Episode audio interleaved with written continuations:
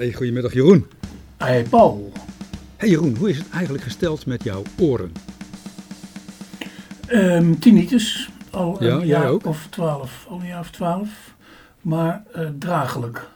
Ik eh, weet nog dat het me voor het eerst overkwam. Dat ik ineens een enorme suis hoorde. Toen ik met mijn dochter Merel in Schotland, in Edinburgh zat. Dus gewoon maar op een avond. En ik had wel met, met een rietje zitten pielen in mijn oor. Eh, een beetje spelen. En ineens hoorde ik een heel enorme suis. En die ging niet weg. Ik naar de huisarts. Ik had het inmiddels bij dokters Google opgesnord. Ja hoor, tinnitus. Nou, datgene wat ehm, heel veel mensen hebben die eh, bij popconcerten of spelen of toeschouwers of publiek zijn geweest. Ja, 25% van de jongeren heeft dat op dit moment. En dan heb je nog een heel leven te gaan. Hè? Ja, maar die hebben, heb ik, zoals ik het goed begrijp, er ook last van door al op jonge leeftijd zo vaak met hun koptelefoon games te zitten spelen. Dus dat is een extra hinderlijke factor. Ik heb het wel opgelopen bij een concert. Het was in Raalte. Notabene heb ik altijd oordopjes bij me. Het is belachelijk eigenlijk dat je met oordopjes naar een concert moet gaan. Sowieso raar natuurlijk. Ja, Maar goed, daar hadden ze de, de, de veiligheid denk ik van die geluidsinstallatie afgezet. En ik loop een lege tent in. En toen zette die technicus de boel aan. En meteen komt er een soort storm over mij van geluid. ja. Ik was eh, aan beide oren een beetje doof. En één oor is helemaal hersteld en de andere is heel slecht. Dat is wel heel jammer hoor.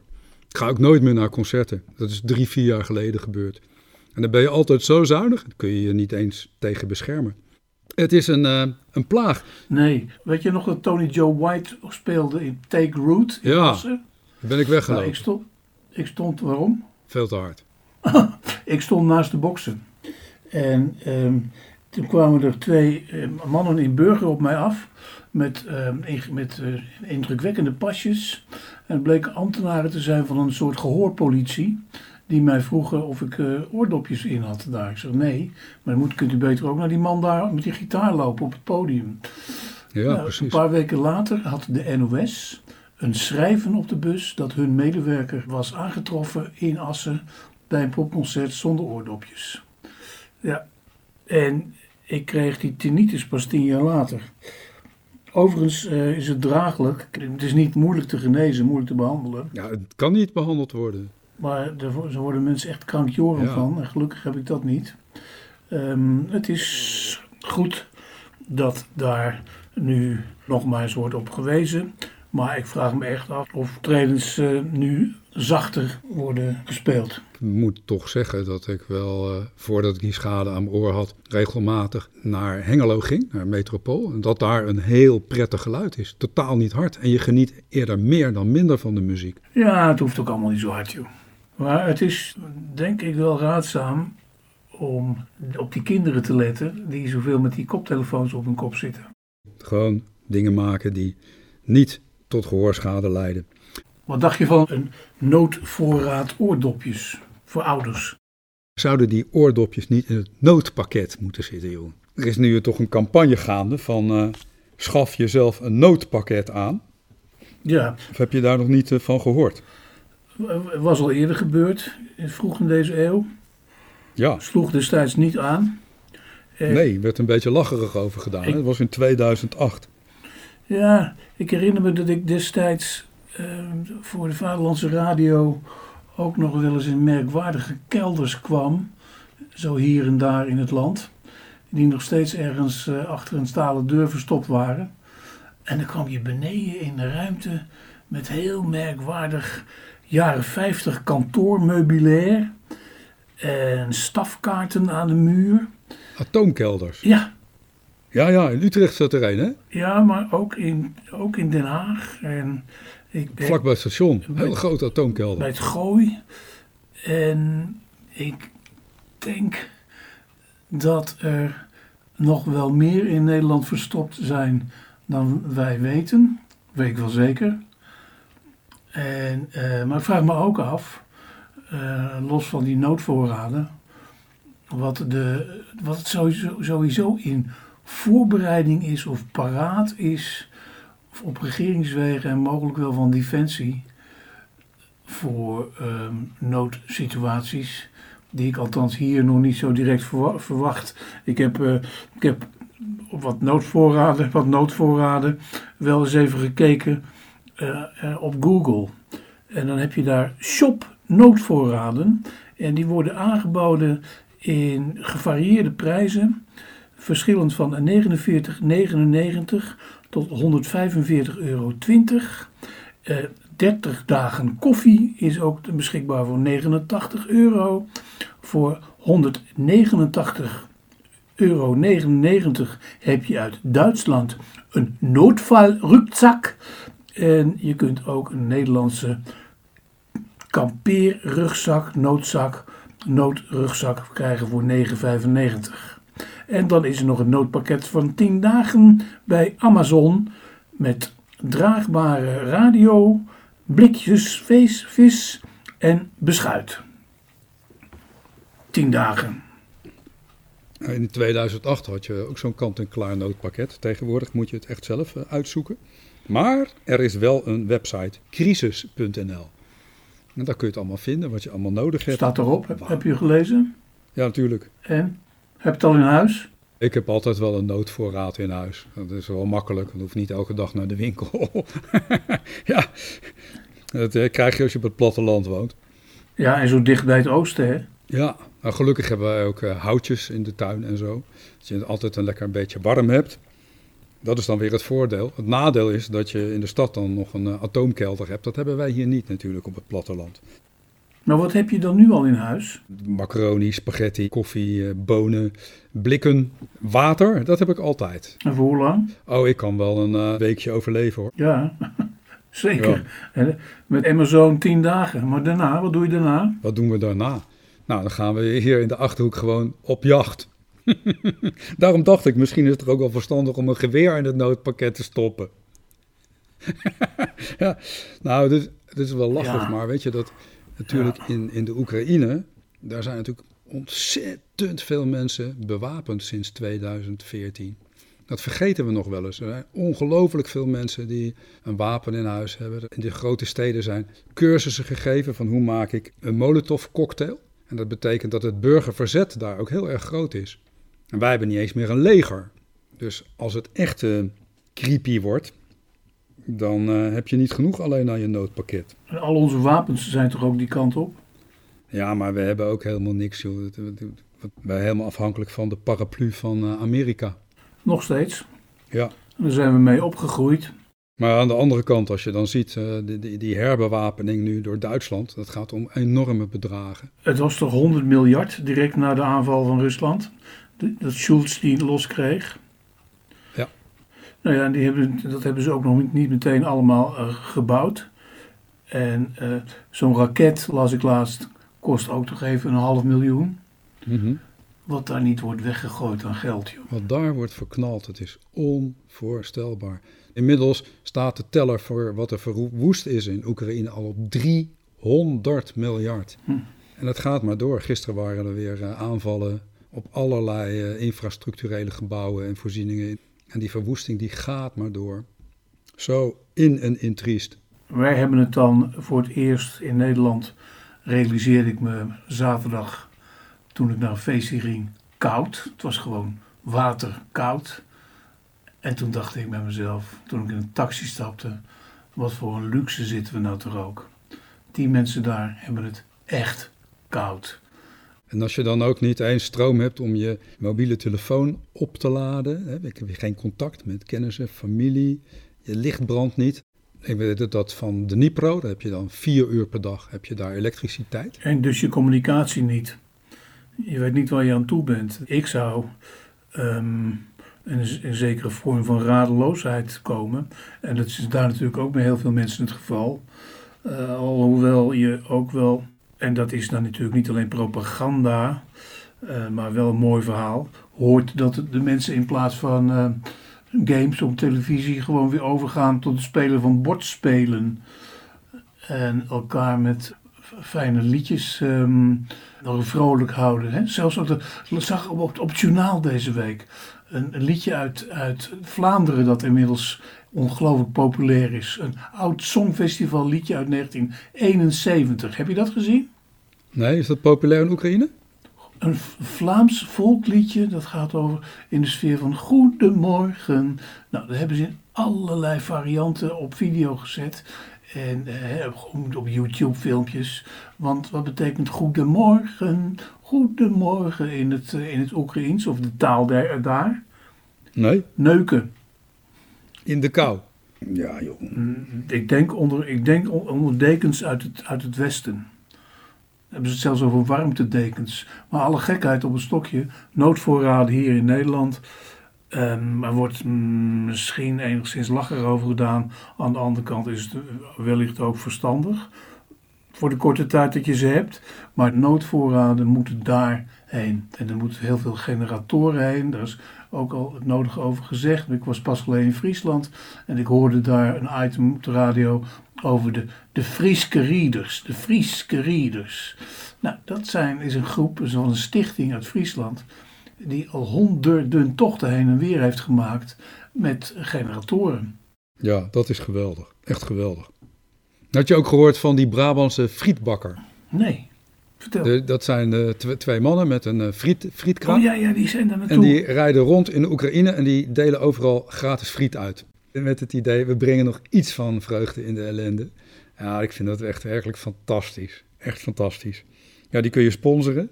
Het is niet met, misschien iets wat meteen helpt, maar het is wel iets van, ja, je brengt inderdaad weer een beetje vreugde in, in, in een land met zoveel verslagenheid en ellende. Maar die generatoren is ontzettend belangrijk. daar heb je dan ook wel weer brandstof voor nodig. Dus dat is ook wel weer belangrijk. Kaarsen en al dat soort zaken is belangrijk. Zaklantaarns. Ja. Nou, ja. Dat zijn transporten die week in, week uit, dag in, dag uit doorgaan. mm buiten het nieuws. En die hoogst noodzakelijk zijn en die ik ook wel opvat als uh, grootste daden van, uh, grootste uitvoering van westerse solidariteit. Van mensen die in het geheel niet militair zijn, maar toch ook wel de, de lef en de moed hebben om dat toch voor te zetten. Moet je nagaan wat dat ook aan, aan dankbaarheid teweeg brengt. En uh, over een gevoel bij de mensen die nog in Oekraïne zijn achtergebleven dat ze niet letterlijk in de steek worden gelaten. Dat helpt natuurlijk ook wel mee. Alleen bij um, vries kou van min 20, die lang duurt, uh, hebben wij in, Nederland voor ten eerste over rajonhoofden die weer bij elkaar komen. Um, ik vind het heel goed dat er een aantal Friese hoofden zijn die mede, um, net als andere Nederlandse initiatieven, dit soort transporten verzorgen. Ondertussen heb je ook uh, nieuws over een, aanval op Russische vliegvelden ver buiten de Oekraïnse grens. Duizend kilometer verderop met drones. Hè? Eerst dachten ze dat het een vrachtwagen was met lading die was ontploft. Maar het laatste nieuws uh, schijnt dat het drones zijn. De New York Times bericht er uitgebreid over vandaag. En heeft het idee dat het in Oekraïne gemaakte drones zijn die dit kunnen doen. Ja, hij zal het niet zomaar voorzien op, op jachtvliegtuigen, maar las ik op uh, het soort bommenwerpers waar raketten vandaan worden gevlogen, mm atoomraketten. Nou, het is toch weer een klap voor Rusland. Aan de andere kant, ja, Oekraïne claimt ze niet. Het is natuurlijk een heel wankel evenwicht. Hè? Wat draagt bij aan de overwinning, maar wat brengt je er verder vanaf? Want Rusland heeft meteen weer geantwoord met een rakettenregen in Oekraïne. En er is nog geen uitweg. Ik zag vorige week op de televisie in, in Rusland, met iemand die me hielp met een beetje vertalen, uh, ook een discussie. En dan zie je dat daar de mensen eigenlijk op de televisie dan, hè, staatstelevisie, Poetin alleen maar opjagen om nog uh, gewelddadiger te worden. En wat ik daar ook zag, dat was wel opvallend, de aandacht voor het strafhof in Den Haag. Dus dat ze zeiden van ja, praten is sowieso niet mogelijk, want het strafhof in Den Haag die eist uh, de, de, de koppen van onze leiders, de koppen van de mensen die verantwoordelijk zijn in Rusland. En dat kan dus niet. En dan zie je tegelijkertijd dat Macron probeert om een soort uh, gouden brug te maken. En zegt in het openbaar ook dat we Rusland een uitweg moeten bieden. En hoe ver moet dat dan gaan? Hoe lang hou je zo'n oorlog vol aan beide kanten? Waar denkt Macron dan aan? Aan een soort vrijgeleide? Ja, misschien wel.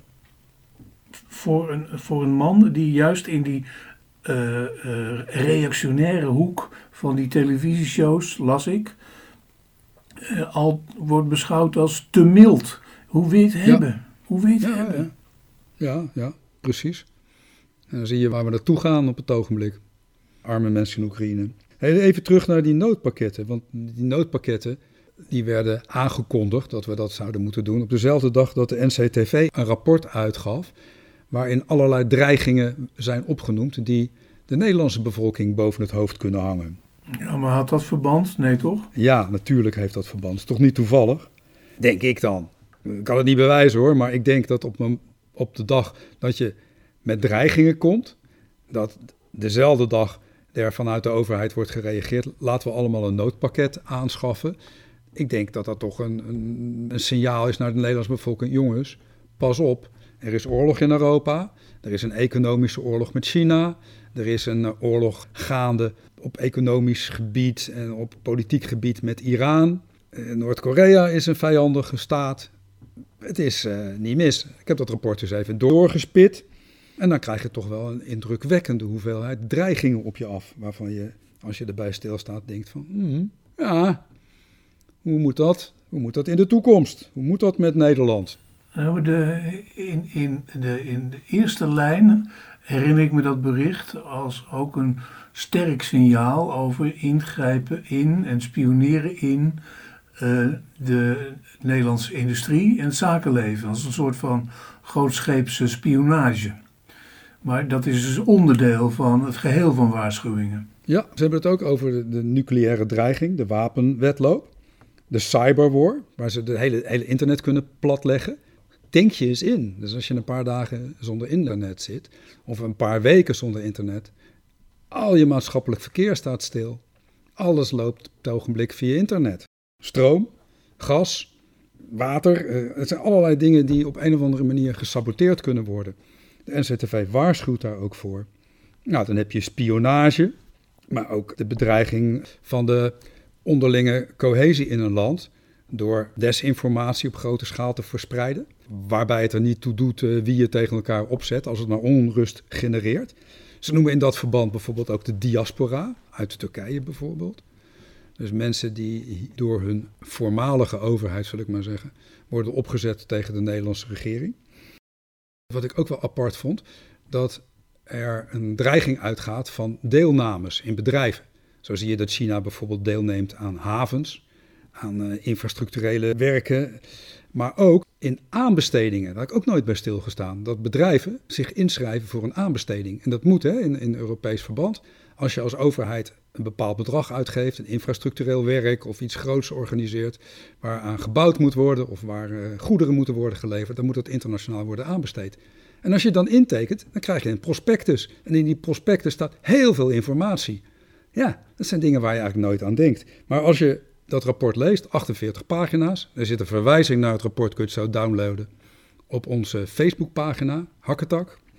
En als je het allemaal achter elkaar leest, dan denk je, ja Jeroen, het is toch wel een beetje griezelig hoor. Ja, maar dan vraag ik mij dus af. Uh, dit is dus een waarschuwing van NCTV. Ja. Uh, gepaardgaande met een directe advies over noodvoorraden.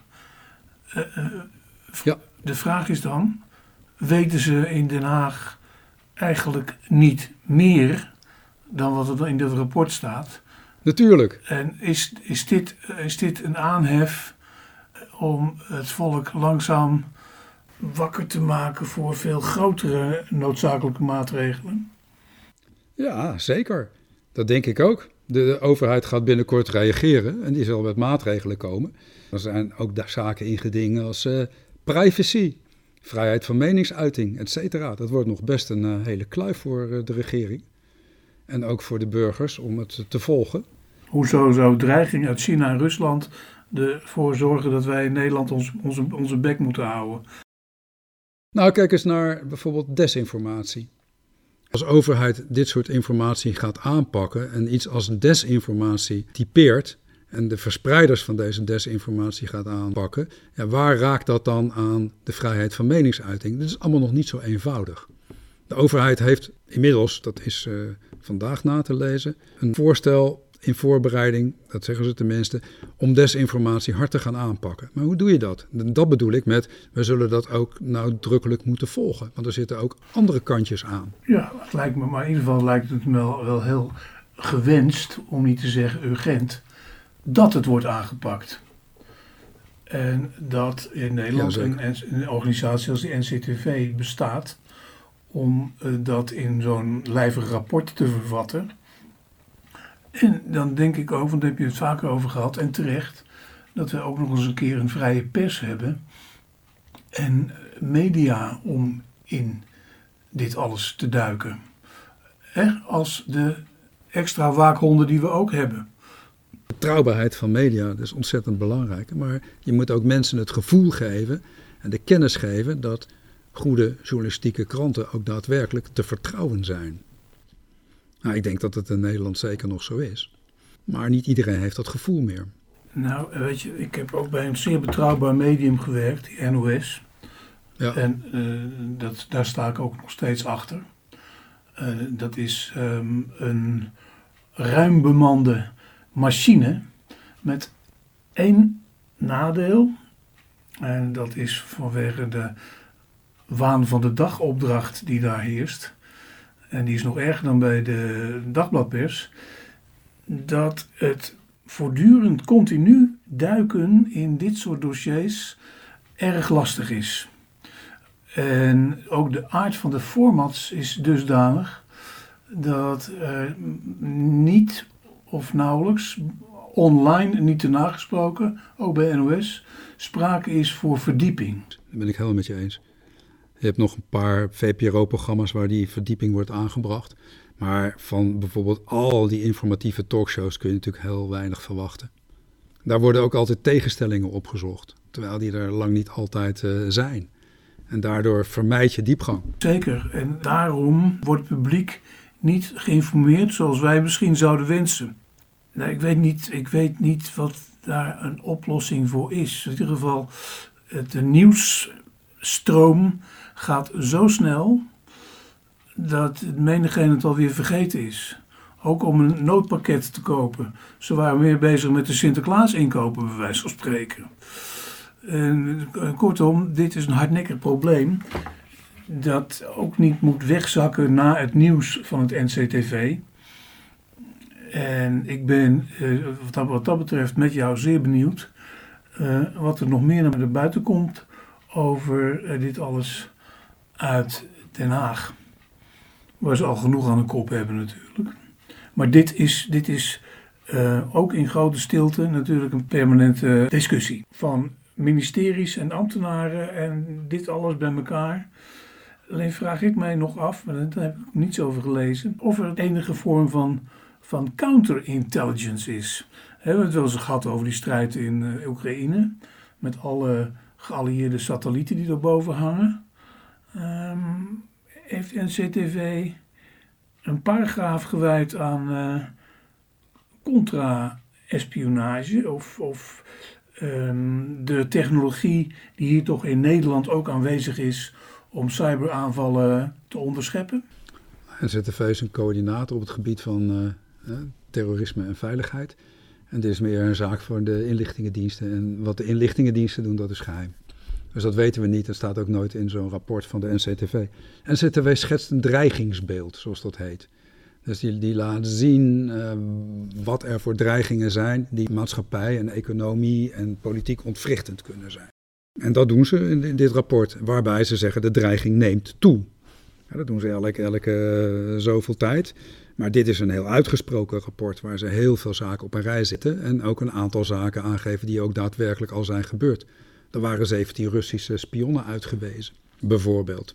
Die onlangs zijn betrapt. Nou, zoiets als die aanbestedingen, dat is natuurlijk iets voor Europa. Om daar eens een keer heel goed naar te kijken. Uitwisseling van kennis lijkt me op zich helemaal niet verkeerd, behalve als het geroofd wordt. Wat aardig is, Paul, en dat is nu heel spontaan, want dat komt, heb ik gezien, net binnen. Eh, daar kunnen we met z'n tweeën nog even over uitwisselen. De koning laat onafhankelijk onderzoek doen naar de rol van het koninklijk huis in de ko- koloniale geschiedenis. Dat is, dat is nieuws van net. Het onderzoek neemt drie jaar in beslag en gaat over de periode van de late 16e eeuw tot het postkoloniale heden, meldt de Rijksvoorlichtingsdienst. Nou, geweldig dat de Koningshuis dat doet. Ja, heel goed. Had jij vorige week nog aangegeven hè? Dat de koning ook vanuit de familiaire banden een betrekking had met kolonialisme, met slavernij wellicht, en dat dat nu eens goed wordt uitgezocht. Dat is prima. De stadhouders hebben natuurlijk een, een, een grote rol in gespeeld Ja. om eh, dat beleid te sturen samen met de VOC. En ik vind dit wel heel opmerkelijk, omdat ehm, dit natuurlijk onvermijdelijk eh, ook weer heel politiek gaat worden. Kan je dat de persoon van de koning verwijten? Nee, nee, nee, nee. Nou ja, het is een onderzoek van drie jaar. En eh, daar zal veel overhoop worden gehaald. En andere dingen aan het licht komen die, denk ik, medig eh, hedendaags historicus ook wel weet. Maar die nu nog eens extra zullen worden benadrukt. En, en, ja, dan zal daar toch ook, zeg ik hardop denkend, wel iets aan het licht komen over stadhouders en hun betrokkenheid bij de handel en de verscheping van eh, Afrikanen. Ehm, opvallend. En ehm, nou, ik zou bijna zeggen gedurfd.